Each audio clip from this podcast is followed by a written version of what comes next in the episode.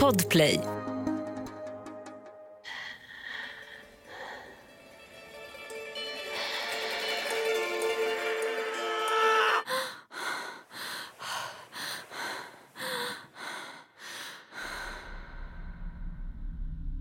Det här skulle vara ett experiment som alla andra.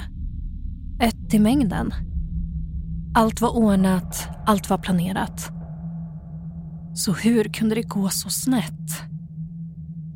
Jag har aldrig sett något liknande. Och jag har aldrig trott att människan kunde vara kapabel till någonting som det här. Hur länge tillåter vi sådana här vidrigheter att fortsätta innan vi sviker all moral och korsar en gräns som vi aldrig kan återvända från?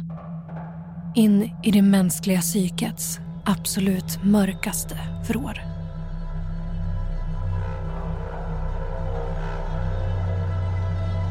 Välkommen till Oförklarliga fenomen. Ett program där jag, Evelina Johanna Och jag, Mattias Jonsson. tar med dig på berättelser om märkliga och obehagliga händelser, mysterier och fenomen. Fenomen som inte alltid går att förklara. Innan vi drar igång med dagens berättelse vill vi bara tipsa om en grej. Nya avsnitt av Oförklarliga fenomen släpps varje tisdag. Men om du vill höra avsnitten en dag före alla andra ska du gå in på podplay.se eller ladda ner appen. Helt gratis.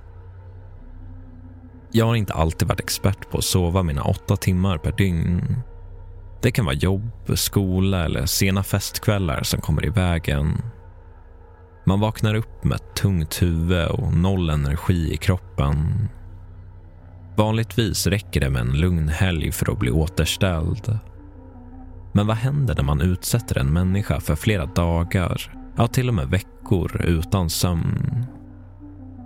I det här avsnittet ska vi prata om det ryska sömnexperimentet. En forskningsrapport skriven av en anonym författare och publicerad på nätet kring 2009 som har kallats för nätets obehagligaste berättelse.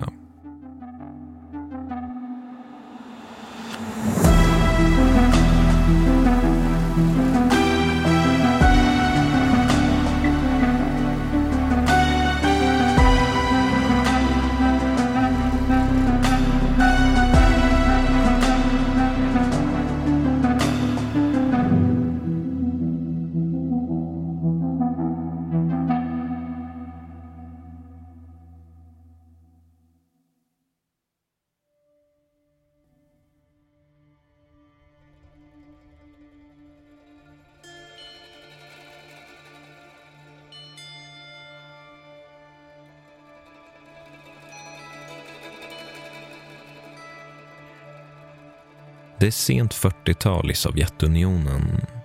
En forskare och hans kollegor har fått i uppgift att testa en ny experimentell gas på fem politiska fångar.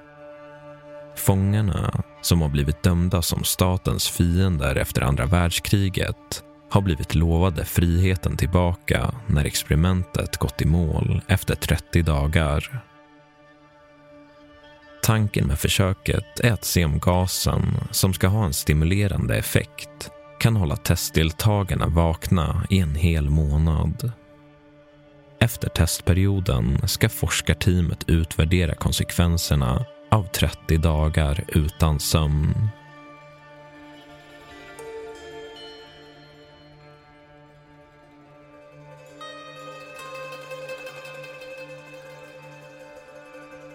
Eftersom gasen är giftig i höga koncentrationer måste försökspersonerna hållas isolerade.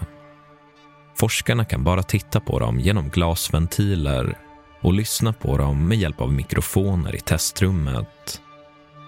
Vid den här tiden fanns nämligen inga övervakningskameror. Därför har forskarteamet egentligen en ganska begränsad insyn i sitt eget experiment. Något som med dagens vetenskapliga mått kanske skulle anses vara lite oprofessionellt. Nästintill farligt.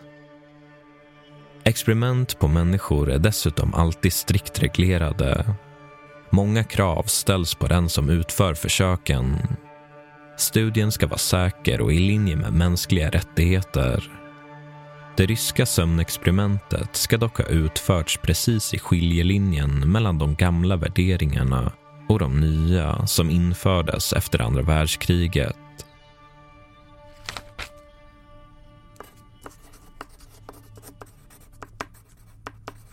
Gasen vi skulle använda i studien förväntades ha en effekt som liknade den hos amfetamin. Testpersonerna skulle inte känna något behov av att sova. Så mycket mer visste vi inte. Ingenting om eventuella biverkningar eller om någon skaderisk vid överdosering. Vi antog att den var relativt säker att använda. Och hur mycket var fiendens liv egentligen värt? I vetenskapen ställer man nytta mot risk och i det här fallet värderades experimentet som viktigast. Kanske till och med revolutionerande inom sömnforskningen. Vi i teamet var upprymda och spända inför första natten. I min dagbok skrev jag att jag ser fram emot att få vara en del av ett sånt framstående forskarteam och att det kommer hjälpa min karriär framåt ett stort steg i rätt riktning för en ung forskarassistent. När jag läser mina anteckningar nu, efter allt som hänt, kan jag bara tänka att jag var så otroligt naiv. Vi borde ha vetat bättre. Nu kommer vi troligen gå till historien som förbrytare. Inte mycket bättre än de nazistiska forskare som försökte byta ögonfärg på människobarn. Det enda jag kan göra nu är att hoppas att vårt misstag kan gå till historien som en blodig lärdom inför framtiden att ingen någonsin upprepar vårt misstag. Därför hoppas jag att mina anteckningar, någon gång i framtiden, kan hittas och komma till användning.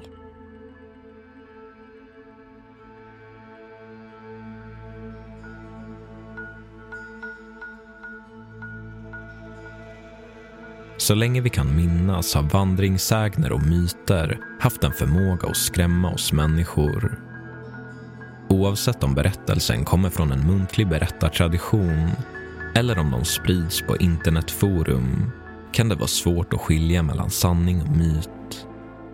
Det ryska sömnexperimentet är en urban legend som har kallats för en av de mest chockerande och spridda myterna i internets tidsålder och går att spåra till ett inlägg som postades på forumet Reddit 2009 av en anonym användare Sedan dess har berättelsen om det ryska sömnexperimentet blivit en klassisk vandringssägen.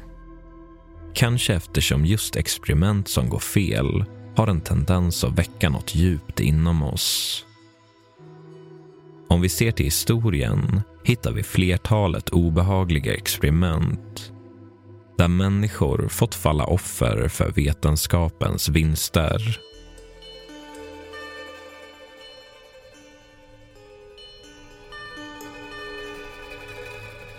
Dag 1.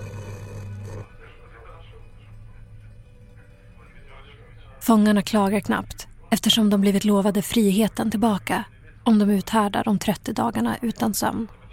Ingenting av intresse har inträffat ännu. Några småpratar med varandra, andra tycks försjunkna i sina egna tankar. Ett par stycken bläddrar i böcker. Dag tre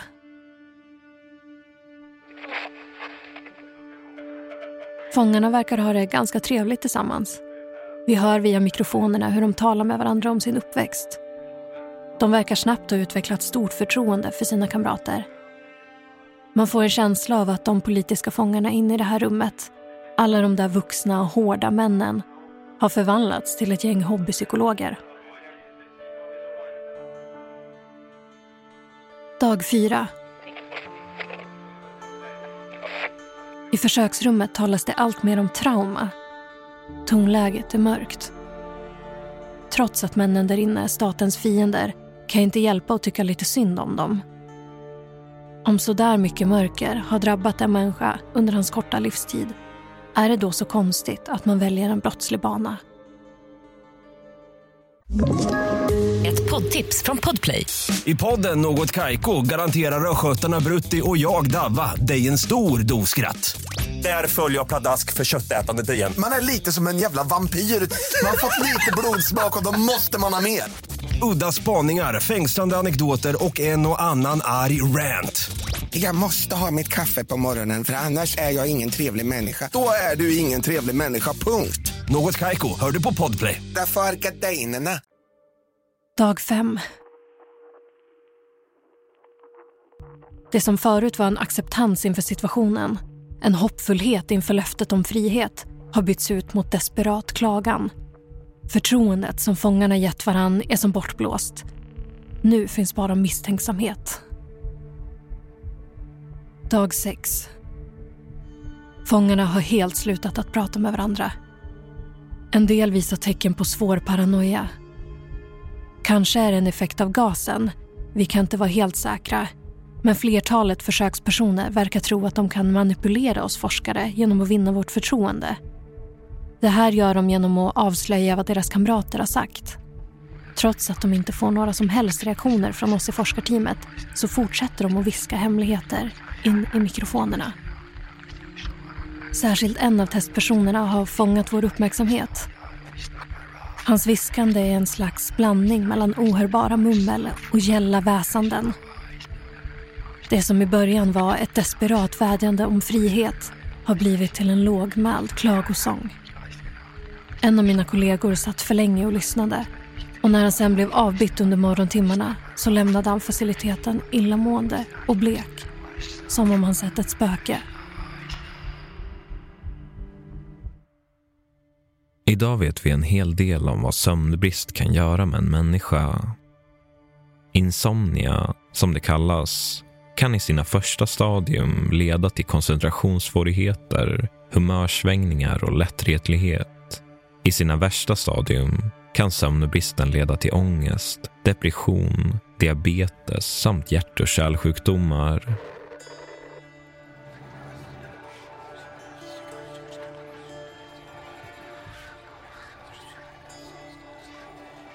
Dag sju.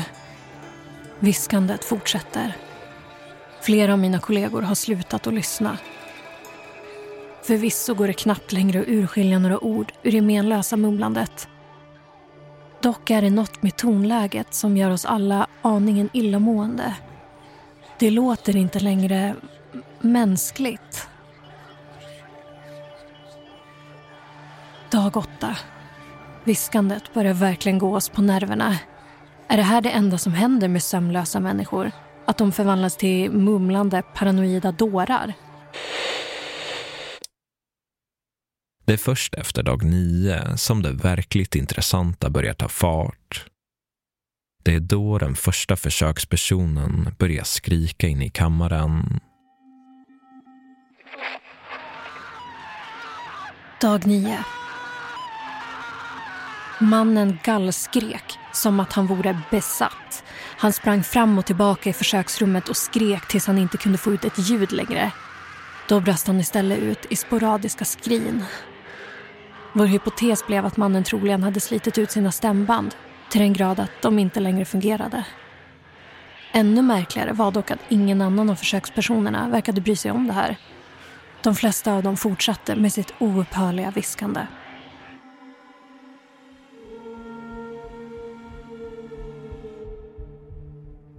Så fortlöpte det i ytterligare några timmar innan person nummer två började skrika. De andra försökspersonerna plockade upp några av böckerna i rummet. De vände först lite på böckerna i händerna, betraktade dem och började sen, fortfarande viskandes, och riva ut sidorna, en i taget.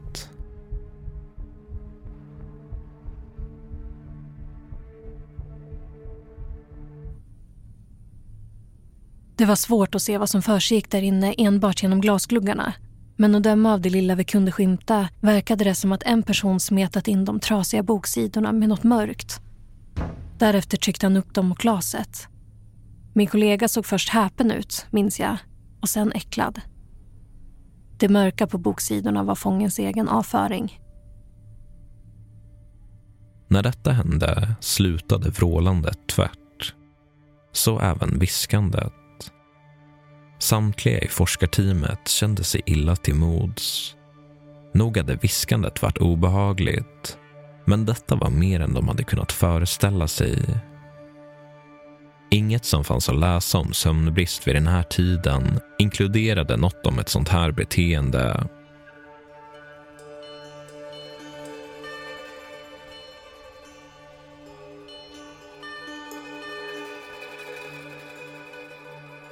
Jag noterade att en del forskare i teamet blev upplivade av händelseutvecklingen.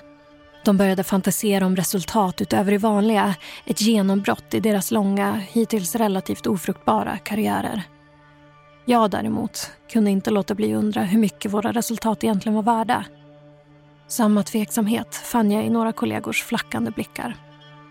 Kanske var det något som hade börjat glida utanför vår kontroll. Något mer än vad vi kunde hantera. Teamets huvudforskare beordrade oss likväl att fortsätta experimentet.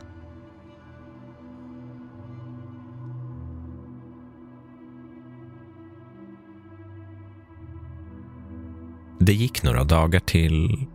I kammaren var det fortsatt tyst. Forskarna kontrollerade mikrofonerna åtminstone en gång i timmen för att se om de fortfarande fungerade. Det gjorde de. De fem försökspersonerna var helt knäpptysta. Syrekonsumtionen i rummet visade emellertid att alla levde Dessutom förbrukade de onormalt mycket syre. Så mycket man normalt sett bara förbrukar under stor fysisk ansträngning. Under studiens fjortonde dag valde forskarna att göra något drastiskt. De skulle använda sin telekomutrustning för att försöka få kontakt med någon av försökspersonerna för att se så att de fortfarande levde och att de inte helt tappat greppet om verkligheten.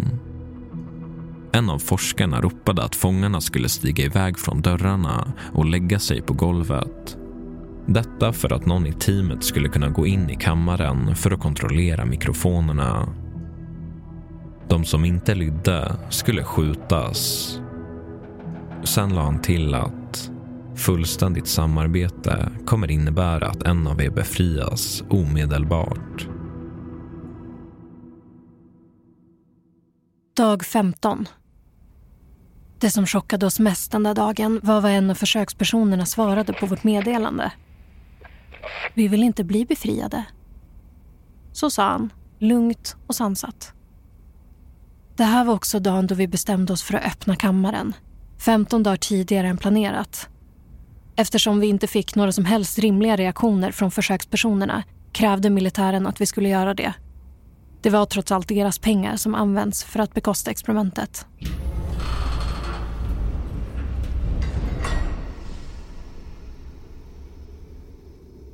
Jag minns ännu vad jag tänkte precis innan vi öppnade dörrarna till helvetet där inne. Att de fem männen troligen var döda eller svårt handikappade. Kanske hade de trots allt hittat något sätt att ta livet av sig eller av varandra. Men jag hade aldrig kunnat föreställa mig vad som faktiskt väntade oss där inne. När jag tänker på det i efterhand får jag kvällningar. Minnet har blivit en livslång förbannelse. Kammaren tömdes på gas. Då insåg forskarna att mikrofonerna ändå fungerade eftersom högljudda klagomål började strömma ur dem. Rösterna bönade och bad om att gasen skulle sättas på igen. Soldater skickades in för att hämta försökspersonerna men då började männen skrika ännu högre. Åtminstone de fyra av dem som fortfarande levde när soldaterna såg vilket skick försökspersonerna var i började även de att skrika. En stor del av de matransoner som ställts in i kammaren innan försöket var helt orörda. Stora köttstycken hade slitits från den döda försökspersonens kropp. Dessa återfanns i rummets avlopp där någon hade försökt trycka ner dem som en konsekvens av detta hade golvet översvämmats av en decimeter djup vätska bestående av ungefär lika mycket blod som vatten. De fyra männen som fortfarande levde var svårt sargade med muskler och hud bortslitna från kroppen i stora, blodiga sjok.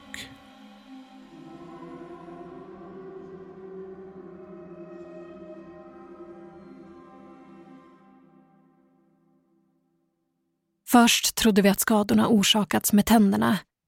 Men eftersom benpiporna var blottade på männens fingertoppar och av skadornas övriga natur att döma fastställde vi att samtliga skador var självförvållade och åsamkade med bara händerna. Männen hade alltså slitit loss stora stycken av sig själva med fingrarna. Dessutom hade de rivit ut sina egna organ från buken. Endast hjärtat, lungorna och diafragman satt kvar på sina platser.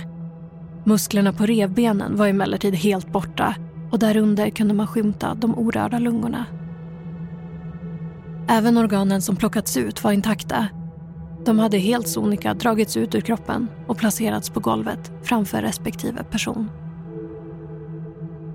En annan sak vi noterade var att matsmältningen hos männen fortfarande fungerade. De hade, som nämnt, inte rört sina matransoner. Så vad hade de ätit?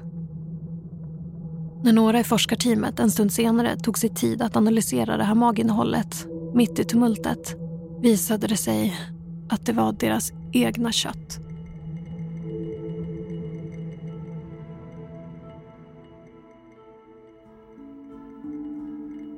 Soldaterna som fått i uppgift att transportera bort försökspersonerna tillhörde den ryska specialstyrkan men de flesta av dem vägrade återvända in i kammaren. De fyra levande men sargade försökspersonerna krävde fortsatt att få mer gas. De varierade sitt tonläge mellan att böna och be och med att skrika allt mer desperat. De ville inte lämna kammaren och attackerade de soldater som försökte flytta på dem. En soldat dog under försöken. Han fick halsen söndersliten när han försökte flytta på en försöksperson. En annan soldat fick ena testikeln avriven och en sönderbiten artär i benet. De flesta av soldaterna, de som inte skadades under själva förflyttningsförsöken, begick självmord kort in på händelsen. Ytterligare en av försökspersonerna dog den dagen. Hans mjälte sprack när han kämpade mot soldaterna. Forskarna hade gett honom lugnande för att stoppa blödningen men ganska snart visade det sig att medlet inte hade någon effekt. Trots att han fått i sig tio gånger mer morfin än vad en människa bör klara av fortsatte han att slåss med full kraft och bröt armen på en av läkarna. Hans hjärta fortsatte att slå hela två minuter efter att han förblött på golvet. Även när hjärtat hade stannat fortsatte han att slåss, bitas och skrika mer gas i ytterligare tre minuter medan han blev allt svagare och till sist tystnade helt. De sista tre försökspersonerna spändes fast på bårar och flyttades till ett sjukhus. Två hade fortfarande stämband som fungerade och de bad alltjämt om mer gas för att kunna fortsätta hålla sig vakna. Mannen som var svårast skadad flyttades snabbt till sjukhusets operationssal. Ny säsong av Robinson på TV4 Play. Hetta, storm, hunger. Det har hela tiden varit en kamp. Nu är det blod och tårar. Fan händer just nu. Det. är Detta är inte okej. Robinson 2024, nu fucking kör vi! Streama söndag på TV4 Play. Ett poddtips från Podplay. I fallen jag aldrig glömmer djupdyker Hasse Aro i arbetet bakom några av Sveriges mest uppseendeväckande brottsutredningar. Går vi in med hemlig telefonavlyssning och, och då upplever vi att vi får en total förändring av hans beteende. Vad är det som händer nu? Vem är det som läcker? Och så säger han att jag är kriminell, jag har varit kriminell i hela mitt liv men att mörda ett barn, där går min gräns. Nya säsongen av Fallen jag aldrig glömmer på Podplay.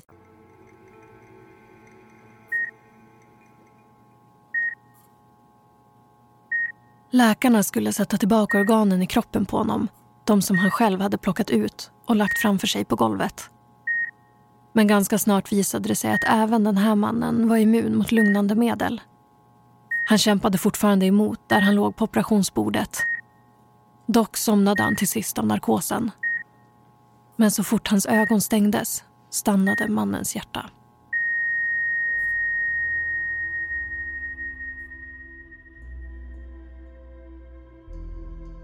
När han senare blev obducerad visade rapporten att hans blod innehöll tre gånger mer syre än normalt. Han hade dessutom brutit nio ben i kampen mot soldaterna. Musklerna som fortfarande satt kvar i kroppen var slitna, förstörda och vissa hängde löst i sina fästen. Nästa försöksperson som fördes till operationsbordet var mannen som vid experimentets början skrikit sönder sina stämband. Följaktligen kunde han inte protestera men när en läkarassistent närmade sig honom med smärtstillande så skakade han våldsamt på huvudet. Då föreslog någon, jag tror att det var en sjuksköterska i bakgrunden, att kirurgen skulle börja skära i mannen utan bedövning. Då nickade mannen långsamt och man kunde se en svag antydan till ett leende på hans spruckna, blåaktiga läppar. Allt som allt tog det sex timmar att stoppa tillbaka organen i kroppen på honom han var vaken hela tiden och betraktade lugnt kirurgens rörelser. Hur skalpellen arbetade sig genom hans förstörda kropp. Slutligen försökte kirurgen sätta tillbaka mannens hud i den mån det var möjligt. Samtidigt konstaterade han att det borde vara omöjligt för en patient att överleva det här. En operation av den här storleken utan vare sig narkos eller bedövning. Efter operationen tittade läkaren, sjuksköterskorna och de forskare som fått lov att närvara, däribland jag, förskräckt men aningen lättade på varandra. När vi alla sen tittade mot försökspersonen som låg hopsydd och blek på britsen märkte vi att hans mun nu var krökt i ett stort leende. Sen började han röra på munnen, som om han ville säga något. En sjuksköterska sprang för att hämta en penna Kirurgen var den första av oss som läste vad försökspersonen hade skrivit. Sen visade han lappen för oss andra. Det var ett kort och enkelt budskap. Fortsätt skära.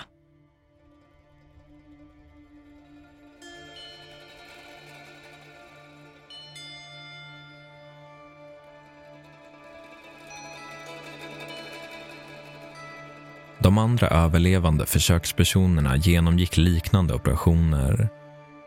De ville inte heller ha något lugnande eller smärtstillande. Men kirurgen var tvungen att ge dem ett muskelavslappnande ämne eftersom de annars bara låg och skrattade. När de inte längre kunde röra sig låg de bara och följde skalpellens rörelser med ögonen. Det visade sig också att det paralyserande ämnets effekt avtog extremt snabbt hos männen. I det ögonblick då de åter kunde prata och röra sig började de tjata om att få mer gas. Forskarna försökte gång på gång fråga försökspersonerna varför de hade sargat sina egna kroppar och varför de så desperat ville ha mer av gasen. Jag måste förbli vaken var det enda svar forskarna fick. De tre försökspersoner som överlevt operationerna placerades åter i kammaren i väntan på att ett beslut om deras framtid skulle fattas. Representanterna från militären, som ju hade bekostat experimentet, var arga över att allt hade gått så snett. Forskarna funderade på om det bästa vore att bara avliva de resterande försökspersonerna. En KGB-agent som var på plats såg istället en potential i att sätta på gasen igen för att helt enkelt se vad som hände.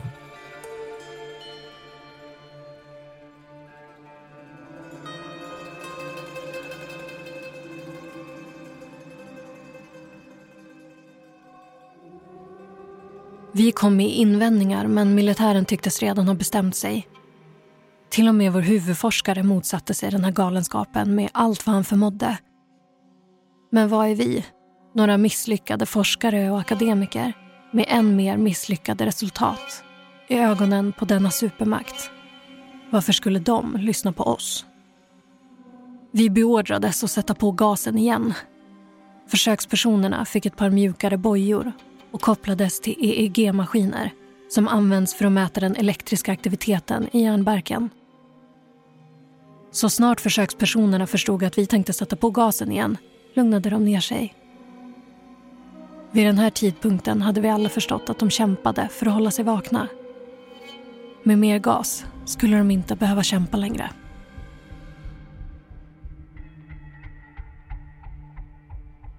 Precis innan forskarna åter skulle starta gastillförseln lyckades en av männen inte hålla ögonen öppna längre.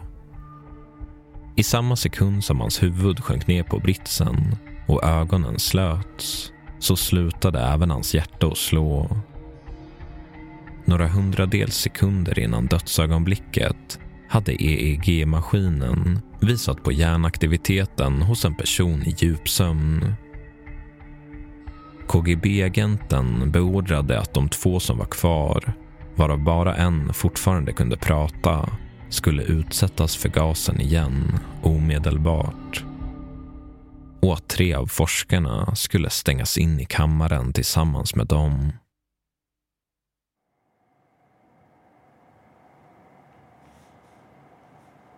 Jag minns det så tydligt. Agenten pekade på min kollega och jag knep ihop ögonen. Jag önskade nästan att jag var en av försökspersonerna. Vilket öde som helst vore bättre än att stängas in där tillsammans med dem. Men agenten pekade inte på mig. Jag såg istället den vädjande blicken hos min kollega, bara några år äldre än mig. Han som blivit utvald. Så när agenten vände sig bort tog jag mig tillfälle. Jag sträckte mig fram så snabbt jag bara kunde och fattade grepp om pistolen han hade i sitt hölster. Innan jag själv hann reagera hade jag siktat mot hans bakhuvud och tryckt av. Jag knuffades bakåt av rekylen, överraskad, men ännu inte i chock. Jag vände mig mot en av försökspersonerna, han som slitit ut sina stämband, och tryckte av ännu en gång.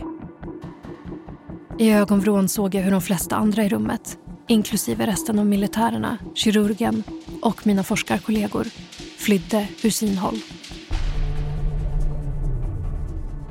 Nu var jag helt lugn. Jag vände pistolmynningen mot den sista försökspersonen som låg där, ensam på britsen. Fortfarande vädjandes efter mer gas. Mer gas. Vad är du? frågade jag honom. Jag måste få veta. Han bara log. Log mot mig som en gammal vän som man inte träffat på länge. Ett kärt återseende. Jag är ni. Jag är allt du förnekar att du har inom dig. Jag är den sista tanken innan du somnar. Jag klarade inte av att höra mer. Jag pressade långsamt ner avtryckaren, blöt av svett, en sista gång. Så nära, kraxade den sista försökspersonen innan hans kropp gav upp inför den sista sömnen. Den eviga som ingen gas kan rädda oss från.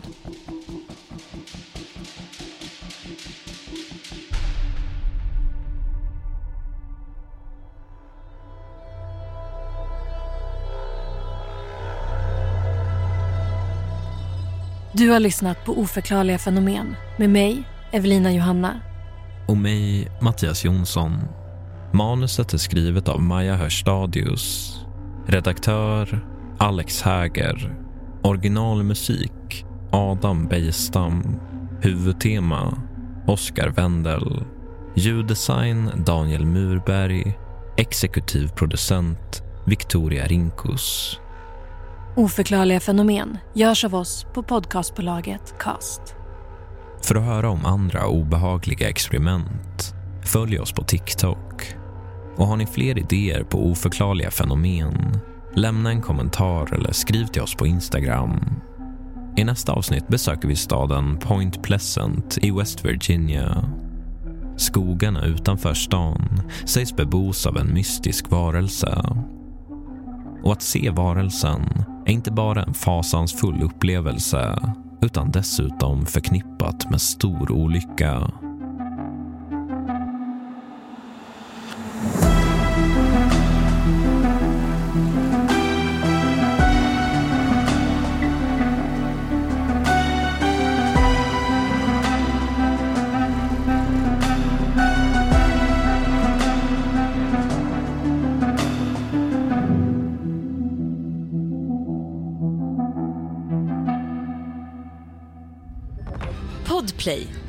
Del av Power Media. Ny säsong av Robinson på TV4 Play. Hetta, storm, hunger. Det har hela tiden varit en kamp. Nu är det blod och tårar. Fan händer just nu. Det. är Detta är inte okej. Robinson 2024, nu fucking kör vi! Streama söndag på TV4 Play.